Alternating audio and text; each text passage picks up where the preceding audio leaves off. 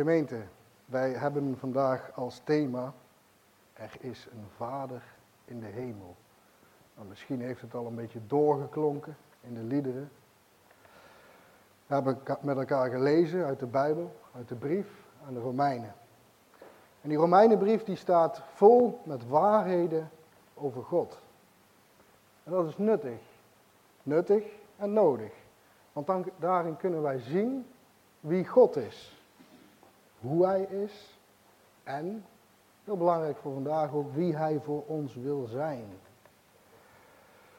Want daarin kunnen we onszelf nog wel eens vergissen. En daarom vandaag deze tekst voor u. En de centrale tekst uit de Bijbellezing van vandaag is vers 15. En ik laat hem hier even staan. Daar staat, want u hebt niet de geest van slavernij ontvangen, die opnieuw tot angst leidt, maar u hebt de geest van aanneming tot kinderen ontvangen, door wie wij roepen, Abba, Vader. Deze tekst laat ons zien dat er een Vader in de hemel is. Dan zeg je heel wat, als je dat zegt. Er is een Vader in de hemel. Maar wat betekent dat nou eigenlijk, als we dat zeggen? Laat die woorden eens tot je doordringen. Er is een Vader in de hemel. Nou, wat dat betekent voordat we die vraag gaan beantwoorden, wil ik u eerst met u nadenken over een andere vraag. Want we moeten elkaar eerst een andere vraag stellen. Willen we daar ook maar iets over kunnen zeggen? Nou, als u naar dat vers kijkt, dan ziet u nog twee andere belangrijke elementen. De apostel, Paulus vertelt de gelovigen in Rome dat zij niet de geest van slavernij hebben ontvangen, dat is één. Maar dat zij de geest van aanneming tot kinderen hebben ontvangen, dat is twee. Die twee dingen. En om de betekenis van dat vaderschap van de Heere God goed te kunnen begrijpen, is het goed om eerst onszelf met deze twee dingen bezig te houden. Maar dan moet ik u dus inderdaad eerst een andere vraag stellen. Wat betekent het als je God niet als je vader kan zien? Wat betekent het als je God niet zo kan zien? Want ja, voor de een kan dat uh, heel erg vanzelfsprekend zijn om God vader te noemen. Maar de ander heeft daar misschien wel heel veel moeite mee. Hoe is dat met u? En als dat zo is, waar komt dat dan door? Hoe kan dat? Hoe kan het zo zijn dat u hem niet vader kunt noemen? Nou, als dat zo is, dan heeft dat in ieder geval alles te maken met het godsbeeld wat je hebt. En daarom een volgende vraag. Welk beeld heb jij, heeft u van God? Ja, je kan allerlei beelden hebben van God. Van hoe hij is, wie hij is. Je kan hem bijvoorbeeld zien als, als een schepper, de grote architect van het universum. Maar is dat dan alles? Mensen die, die God enkel zo zien, die worden deïsten genoemd. Zijn daar misschien zelfs niet zo bewust van, maar ja, die noemen we zo, deïsten. Zij zijn van mening dat God weliswaar de schepper is van alles, maar sinds die schepping dan klaar is, grijpt hij op geen enkele wijze meer in in deze wereld.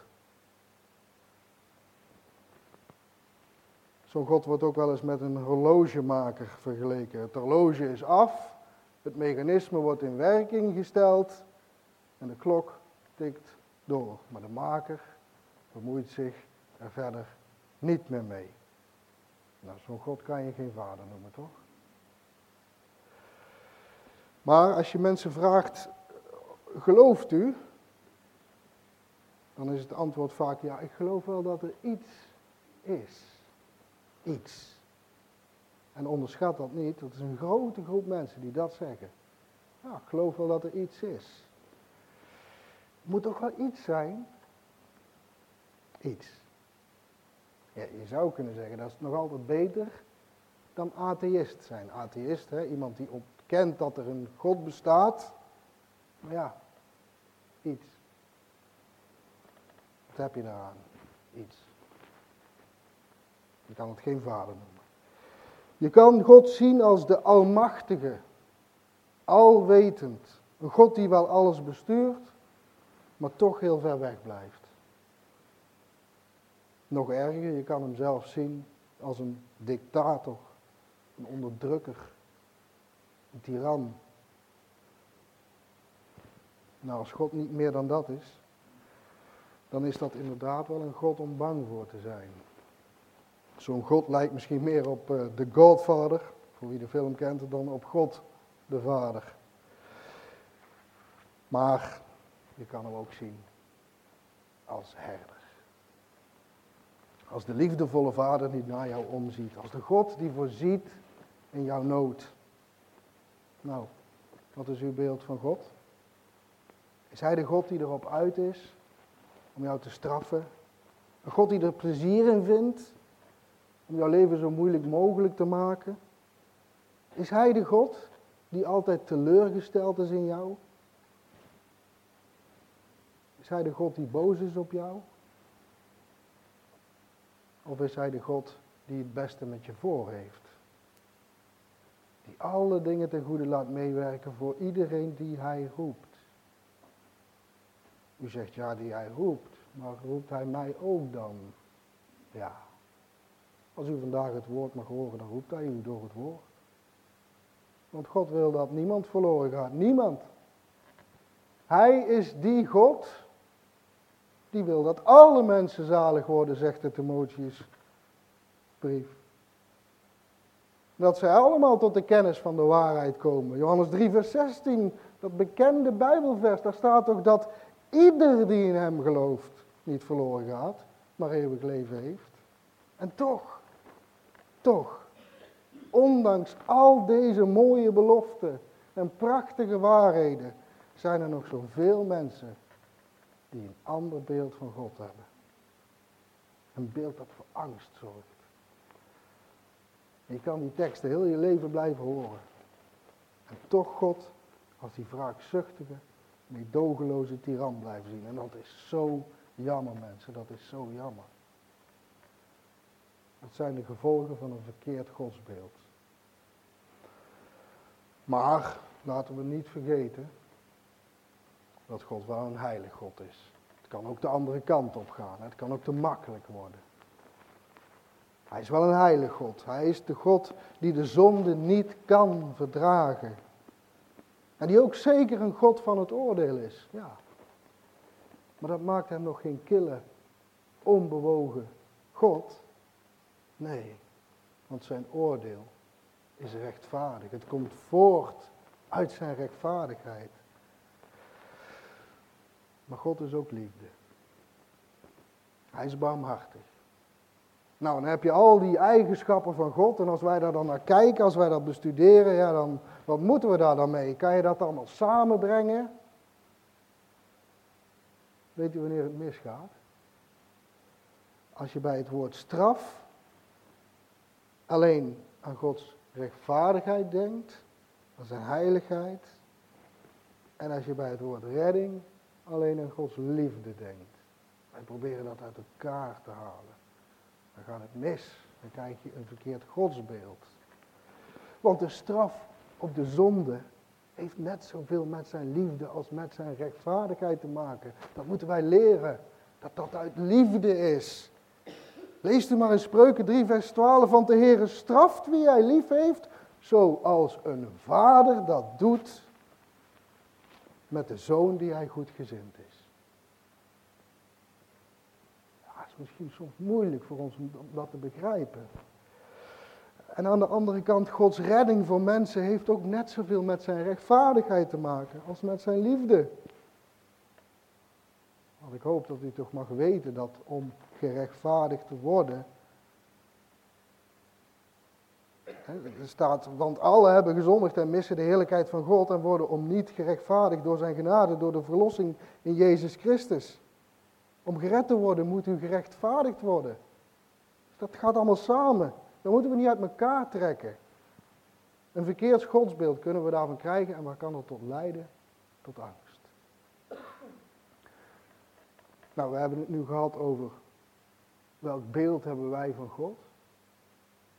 Maar tegelijkertijd is het ook heel belangrijk om te kijken van nou, hoe gaat het erom? Hè? Eh, het gaat er ook om hoe jouw eigen positie voor God is. Als God, als jij dat beeld van God hebt, wie ben jij dan voor Hem? Welk beeld heeft u van uzelf ten opzichte van God? Met andere woorden, welke positie neem jij in voor God? Nou, laat ik eens proberen om dat wat dichterbij te brengen. Kijk, de boodschap van vandaag is: we hebben een Vader in de hemel. En dat mogen we geloven. En ik hoop van harte dat u dat mag geloven. Maar we hebben ook een aardse Vader. En soms moeten we ook even naar de aardse dingen kijken om het hemelse te kunnen begrijpen. Nou, misschien is uw aardse vader al overleden. Misschien heeft u uw vader wel nooit gekend. Misschien heeft u een vader gehad of, of heb je een vader die eigenlijk nooit een vader voor je geweest is. Ja, hoe erg het ook is, maar we weten dat het gebeurt. Vaders die hun kinderen slecht behandelen, mishandelen, zelfs misbruiken. En dat, dat maakt ook meteen duidelijk dat een aardse vader nooit volmaakt is. Er is maar één volmaakte vader en dat is die vader die in de hemel is. Er zijn zeker goede vaders op deze aarde. En dank de Heer, dank de Heer God als u gezegend bent met zo'n vader. gelukkig ben ik zelf gezegend met een vader en een moeder die altijd naar mij omgezien hebben. En die mij nooit in de steek lieten, zelfs momenten dat ik het ze zelf heel moeilijk maakte. Maar dat is niet vanzelfsprekend. Dat is genade van God, dat is een zegen van God. Maar als u dat nou niet kan zeggen, dan zeg ik u vandaag. Er is een Vader in de hemel. En dat is geen schrale troost. Want deze vader faalt nooit in het uitoefenen van zijn vaderschap. En je kan jezelf geen betere vader wensen dan deze vader die in de hemel is. Maar ja, wat als je je aardse vader nou zulk gedrag vertoont dat je, dat je bang voor hem bent. Dan wordt het toch ook moeilijk als zo'n vader, om zo'n vader als een liefdevolle vader te zien. Als een kind iets verkeerd doet, iets verkeers gedaan heeft, dan verdient het straf. Toch? En die straf die mag gevreesd worden. Maar als een kind bang moet zijn, omdat zijn of haar vader erop uit is om meedogenloos te straffen, keer op keer om de minste aanleiding, dan leeft zo'n kind in angst. En wat voor beeld heeft zo'n kind dan van zijn vader? Nou, zeer waarschijnlijk een beeld dat voor angst zorgt. En zo'n beeld kan je ook zomaar hebben van God. Maar het woord van God roept ons vandaag op om dat beeld te doorbreken. Om ons door de Heilige Geest te laten leiden. De Geest die zegt dat er een Vader in de hemel is. Nou laten we nog eens kijken wat de apostel Paulus zegt. Kijk er nog eens naar die tekst. Wat hij eigenlijk zegt is dit. De Geest die u ontvangen hebt, dat is er niet een van slavernij die voor angst zorgt. Nee, dat is een geest van aanneming tot kinderen. Dat is heel wat anders. Als de Heilige Geest werkzaam is in u, in uw leven, dan zal Hij u overtuigen dat u een kind van de Allerhoogste bent. Dan hoeft u niet te leven uit angst voor God. U mag de Heere God wel vrezen. Nou, ik zeg vandaag ook, u moet de Heere God vrezen. Het woord zegt het, beginsel van de wijsheid is de vrezen des Heren. Dat is gezond nodig om die vrezen te hebben. Maar dat is geen angst. Angst is wat anders. Ziet u angstig uit naar het oordeel van God? Bid dan. Bid dan om vervulling met de Heilige Geest, die u zal overtuigen dat uw vrijmoedigheid mag krijgen en mag hebben om te naderen tot de troon van Gods genade. En dat u zelfs op de dag van het oordeel vrijmoedigheid zult hebben. Die drie woorden die u daar leest, aanneming tot kinderen, dat is in de Griekse vertaling slechts één woord. Adoptie. Ik had vanmorgen een gesprek met een broeder. En ik dacht, hé, hey, hier had ik nog helemaal niet over nagedacht. Maar het komt voor jou wel heel dichtbij. Aanneming tot kinderen. God neemt ons aan. Maar het kunnen ook hier mensen zijn die die kinderen aannemen tot hun eigen kind en ervoor willen zorgen als hun kind. Maar als we dit zeggen, adoptie, wat betekent dat woord? Als we dat zeggen over God, wat zeggen we dan ook eigenlijk meteen? Daar moeten we eerlijk in zijn vandaag. Hè? Dan zeggen wij dat wij van nature niet Gods kinderen zijn. Wij zijn van nature niet Gods kinderen. Dat is belangrijk om te beseffen, want je kan, je kan jezelf ook te snel een kind van God willen noemen. Het is niet vanzelfsprekend dat je een kind van God bent. Het is daarmee dus ook niet vanzelfsprekend dat er een vader is in de hemel die je jouw vader noemt. En daarom zijn er ook mensen die daar moeite mee hebben. Daar is de genade voor nodig, de genade van God. Er was een kruis voor nodig. Er was het offer van Gods zoon voor nodig. Dat is niet vanzelfsprekend, daar was wat voor nodig. U bent het van nature niet, Gods kinderen, maar u mag het zijn. U mag als kind aangenomen worden door de Vader die in de hemel is. Wat zegt het woord? Kinderen van God en kinderen des torens. Twee verschillende dingen. Van nature zijn wij kinderen des torens. Nou, wat wil dat zeggen? Dat we van nature blootstaan aan Gods toren. Wat is Gods toren? Dat is zijn straf. Dus van nature staan wij bloot aan Gods straf die wij verdienen. Maar door de genade van God mogen wij onszelf rekenen tot kinderen van God en tot broeders van de Heer Jezus Christus. En dan bent u niet meer in de positie van een slaaf, maar in de positie van een zoon of dochter van de Allerhoogste.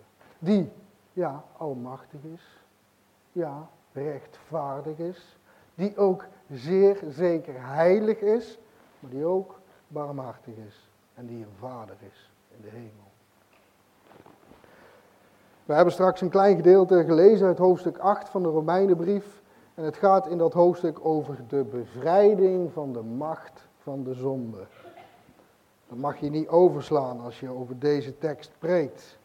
Over heiliging gaat het daar. En Paulus zegt in Romeinen 6 dat wij zonder vrijmaking een slaaf van de zonde zijn. Zonder vrijmaking zijn wij een slaaf van de zonde. En dat is ook precies waarom Paulus hier de gelovigen in Rome oproept om zichzelf te herinneren aan het feit dat de Heilige Geest geen geest van slavernij is. Ga daar nou niet naar terug, naar die positie, naar die situatie. Dat is wat Paulus bedoelt. Paulus had al heel goed door. Paulus had heel goed door wat daar aan de hand was in Rome. En ja, en ook in u vandaag hier hoor.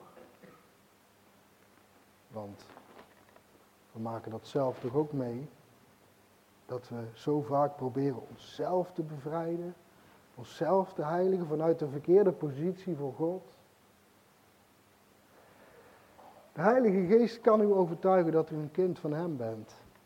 Van God bent. Maar daar is wel geloof voor nodig. En laten we ook gewoon eerlijk zijn. Dat geloof dat kan heel vaak zwak zijn.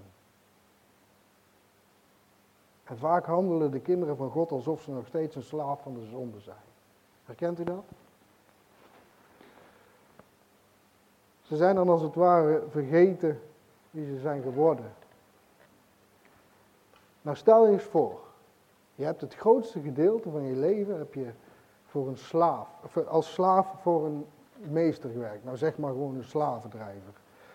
dat is gebeurd in de geschiedenis en dat gebeurt nog steeds op plekken. En, en na jarenlang, dan laat deze meester, deze slavendrijver, die laat jou vrij. Je mag gaan. Je bent nu vrij om te leven zoals een vrij man of vrouw zou mogen leven. Nou, je krijgt dan een, een, eh, een, nette baan aangeboden met een hele nette werkgever, die jou goed behandelt. Maar hoe goed deze man jou ook behandelt, het lukt je niet om deze man te vertrouwen. En het lukt je niet om aan te nemen, om te geloven dat deze man het beste met jou voor heeft. Je hebt zo lang in die slavernij geleefd. Je valt gewoon weer terug in jouw gewoonte. En daar komt dan ook weer die angst bij kijken. Want dat was je gewend. Je was gewend om, om angstig te zijn voor je meester. Nou, en als je dan weer eens een keer een foutje maakt op het werk, dat doen we allemaal wel eens, toch? Dan zie je angstig uit naar hoe deze meester daarop zal reageren. Wat ik wil zeggen is, denk niet te makkelijk over de overgang van de oude mens naar de nieuwe mens. Dat is, dat dezelfde overgang, hè? van kinderen des torens naar kinderen van God.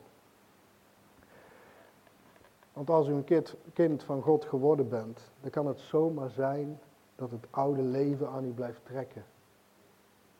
Oude zonden die u blijven achtervolgen, de angst voor Gods oordeel, zal nu en dan, zal nu en dan weer terugkomen. Het idee dat je God teleurgesteld Wie heeft dat wel eens? Het idee dat je God teleurgesteld hebt? Ik wel hoor.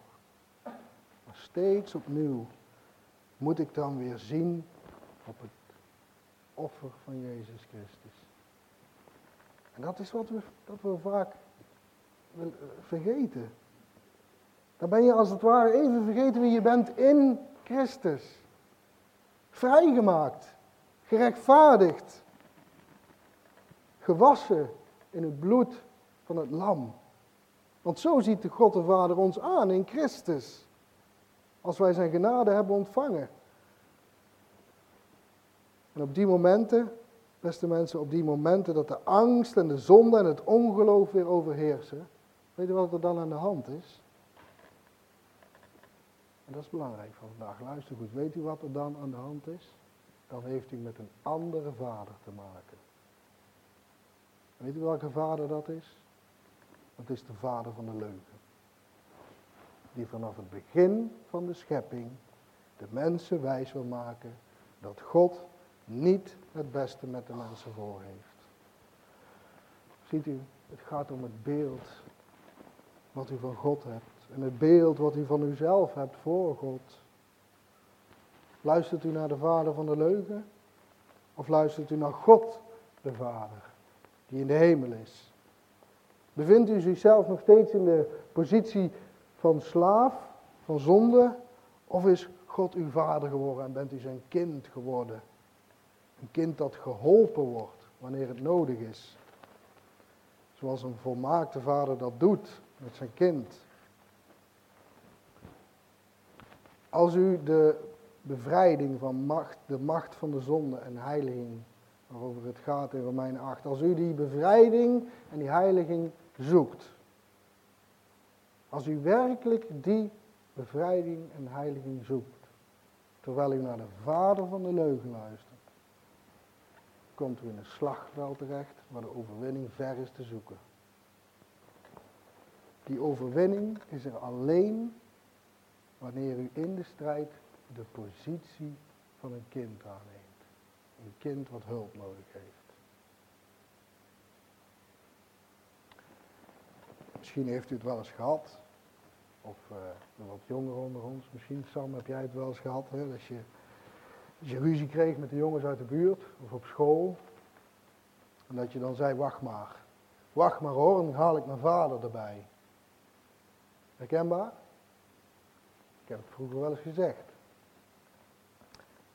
Nou, dat is precies, dat is precies wat je als kind van God zou moeten doen. Haal je vader er maar bij. Haal je vader in de hemel er maar bij. Want alleen door zijn aanwezigheid zullen uw vijanden verslagen worden.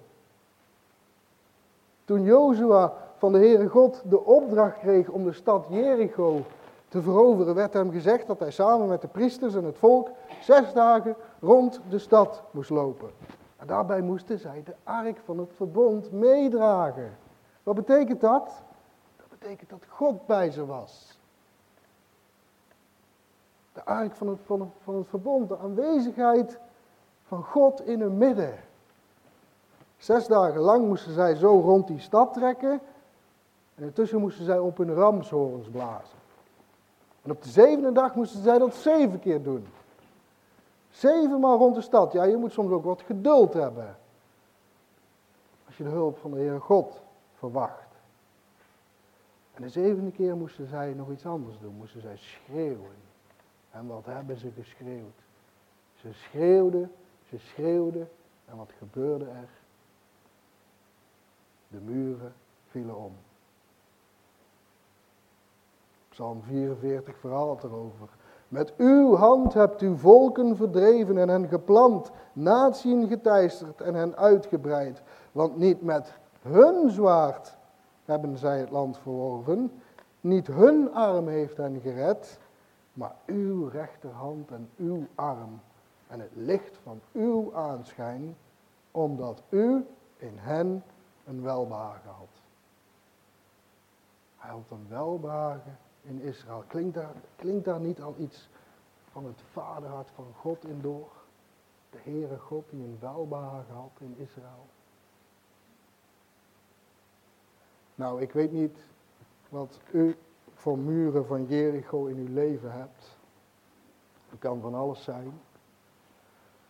En je kan jouw Jericho proberen te veroveren met je blote handen. Maar die muren zijn te dik. Ik zou zeggen, haal je vader er maar bij. Haal de aanwezigheid van God er maar bij. En als het nodig is, en ik zeg u, het is nodig. Het is nodig. Schreeuw het maar uit. Schreeuw het maar uit als de macht van de zonde je te veel wordt. En wat schreeuwt u dan? Abba, Vader. Help me. Want Hebreeën 11 vers 30 zegt het toch, want door het geloof vielen de muren van Jericho. Roep hem aan in het geloof. Daarom zegt Paulus ook in onze tekst van vandaag, wat we zojuist ook gelezen hebben, want als u naar het vlees leeft, zult u sterven. Als u het zelf gaat doen. Als u zelf steeds de mist ingaat. Als u echter door de geest de daden van het lichaam doodt, zult u leven. Want iedereen die door de geest van God geleid wordt, die zijn kinderen van God. Zij hebben de geest van aanneming tot kinderen ontvangen. En daardoor roepen zij Abba, Vader. En deze kinderen die weten precies wanneer het nodig is, wanneer zij moeten roepen. Heeft u het al eens uitgeroepen? Heeft u het al eens op die manier uitgeroepen? Abba, Vader. In de Griekse vertaling, in de grondtekst, er staat het woord krazo. En dat betekent, spreek ik het goed uit Lina? Krazo? kent het woord. Oud-Grieks misschien. Ja. Schreeuwen. Schreeuwen. Hier staat roepen. Sommige vertalingen hebben schreeuwen. En de Engelse King James vertaling heeft cry. En dat heeft ook wel iets in zich van, van huilen, wenen. But you have received the spirit of adoption, whereby we cry, Abba, Father. Schreeuw het maar uit. Gemeente, wij hebben een Vader in de hemel. Wat een mooie boodschap. Maar, wat betekent het nu werkelijk? Hè? Wat, wat, dat vroegen we onszelf aan het begin af. Wat betekent het nou als we dat zeggen? We hebben een vader in de hemel. Nou, heel eenvoudig. Laten we het ook vooral eenvoudig houden. Dat betekent dat hij een vader voor jou wil zijn.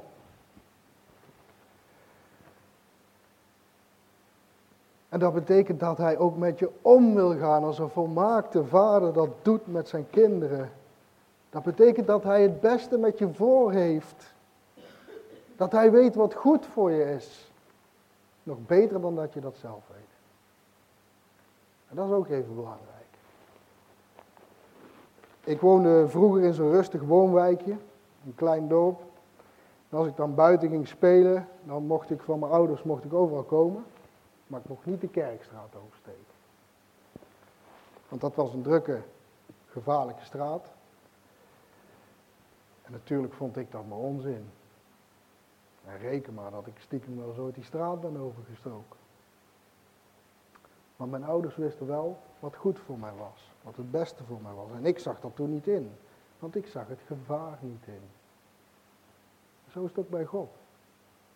Hij weet wat goed voor u is. Beter dan dat u dat zelf weet. Hij weet ook wat gevaarlijk voor u is. Vindt u zijn geboden soms moeilijk? Te streng? En dan mag u weten dat ze maar voor één ding bedoeld zijn. Zijn geboden zijn geen bedreiging voor ons. Kijk, de Heere God weet niet alleen beter dan wij zelf wat goed voor ons is, maar Hij houdt ook meer van ons dan wij zelf van onszelf houden. Die geboden zijn er, die geboden zijn er om onze bestwil om ons te beschermen. Niet om ons te betuttelen of om macht over ons uit te oefenen. daarom zijn ze nooit een bedreiging voor ons. Ook, ook, geen bedreiging voor onze vrijheid, zoals zoveel mensen zeggen. Ja, een christen die mag niets, moet zich aan allerlei geboden houden. Nee, die geboden zijn er juist zodat u vrij zult zijn. Vrij om te leven op een manier waarvan God de Vader weet dat dat de beste manier is voor u om te leven. Kijk, als je de auto instapt, misschien moet je naar de dienst de auto instappen en dan rijd je naar huis, dan, dan, krijg je meteen met allerlei verkeersborden te maken. En er zijn verkeersregels, hebt u geleerd als het goed is, toen u een rijbewijs haalde, rechts heeft voorrang. Ja, dat kan je allemaal heel lastig vinden. Maar waar zijn die regels voor? Voor de veiligheid toch? Voor uw eigen welzijn. Het is toch niet zo dat, dat Rijkswaterstaat het leuk vindt om op die manier macht over ons uit te oefenen? Nee. Nou, misschien een heel raar voorbeeld, maar misschien is het net zo vreemd om zo over God te denken. Dat God er genot in vindt om macht over ons uit te oefenen en ons nog liever naar de hel stuurt dan dat hij ons het eeuwig leven geeft op de nieuwe hemel en de nieuwe aarde.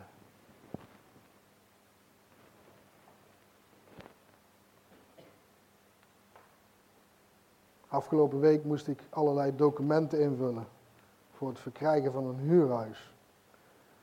Ik was het reglement aan het doorlezen. En er waren zoveel zaken waar ik aan moest voldoen. Allerlei verschillende documenten met allemaal regeltjes. De meest gedetailleerde informatie over financiën en dergelijke. En dan stond er steeds overal bij. Als het niet klopt, als het niet correct is ingevuld, dan kunt u het huis niet huren. En dan nemen we contact op met de volgende kandidaat. Nou, de moed zakte in mijn schoenen. Op een gegeven moment, ik werd er zelfs angstig van. Ik denk, dat, dat gaat nooit goed komen zo. Eén foutje en het gaat aan onze neus voorbij. Ik dacht, ik zal, ik zal die woonstichting eens bellen. Dus ik bel op. En die man die had meteen door die had meteen door dat ik behoorlijk bezorgd was. En hier komt het mensen, weet je wat die man zei tegen mij? Meneer, wij zitten hier niet om aanvragen af te wijzen. We zitten hier om ze toe te wijzen. Oh ja, dat was even een eye-opener. Ze hadden het beste met me voor. Waren ze streng? Ze waren behoorlijk streng. Waar was ik voor? Dat het in één keer goed ingevuld zou worden. Waarschijnlijk nou, ook voor hun, maar nog meer voor mijn eigen bestwil. Voor mezelf. En zo is het ook met God de Vader in de hemel. Hij zit daar niet boven op die troon om u af te wijzen. Geloof dat nu, hij zit daar niet om u af te wijzen. Hij zit daar om u aan te nemen. Als kinderen van de Allerhoogste. Jezus zegt, wie tot mij komt, zal ik beslist niet uitwerpen. Nou, laat hij nou net de enige weg tot de Vader zijn. Ik wil u nog één ding noemen, daar sluit ik mee af. De Bijbel, zoals velen van jullie weten, staat vol met beeldspraak. En het is heel goed om te weten, daar is ook bijbelstudie voor nodig. Ze zou zeggen, kom ook weer als de bijbelstudie weer begint. Zodat we samen dat woord van God kunnen openen en bestuderen. Het is goed om te weten wanneer je in de Bijbel met beeldspraak te maken hebt en wanneer je met uh, letterlijke teksten te maken hebt. Met echtheid. Kijk, als je zegt, Jezus is mijn rots. Prachtig als u dat mag zeggen, als u dat kan zeggen. Maar het is wel beeldspraak. Het is beeldspraak. Jezus is niet letterlijk een rots. Hij is een mens, hij is God, hij is niet van steen. Maar hij is wel onze rots. Hij is ons fundament. Waarop wij bouwen, waarop we kunnen staan. Zonder die rots vallen we. Waarheid. Maar hij is niet echt een rots. Maar als wij God onze Vader noemen, dan is dat geen beeldspraak. Dat is geen beeldspraak. Dat is geen metafoor.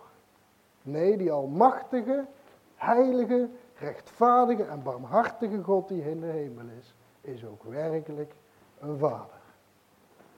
Waarom?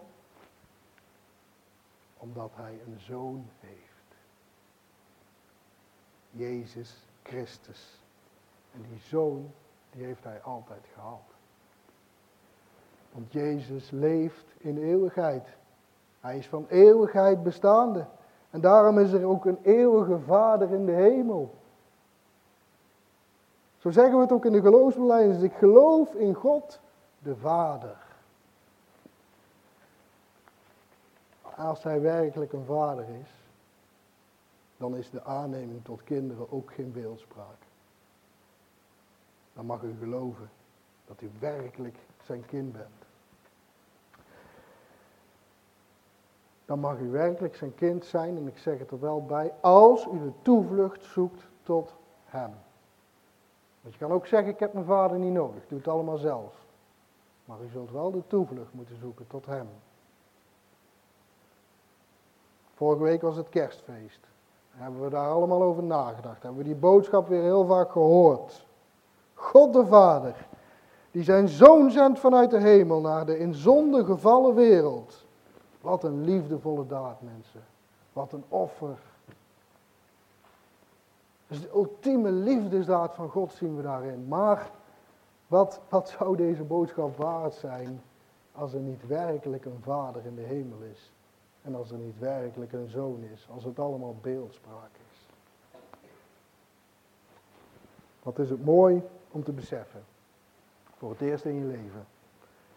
Dat je mag omarmen die gedachte, die wetenschap dat er een vader in de hemel is. En dat hij ook jouw vader is. Dat is, dat is thuiskomen.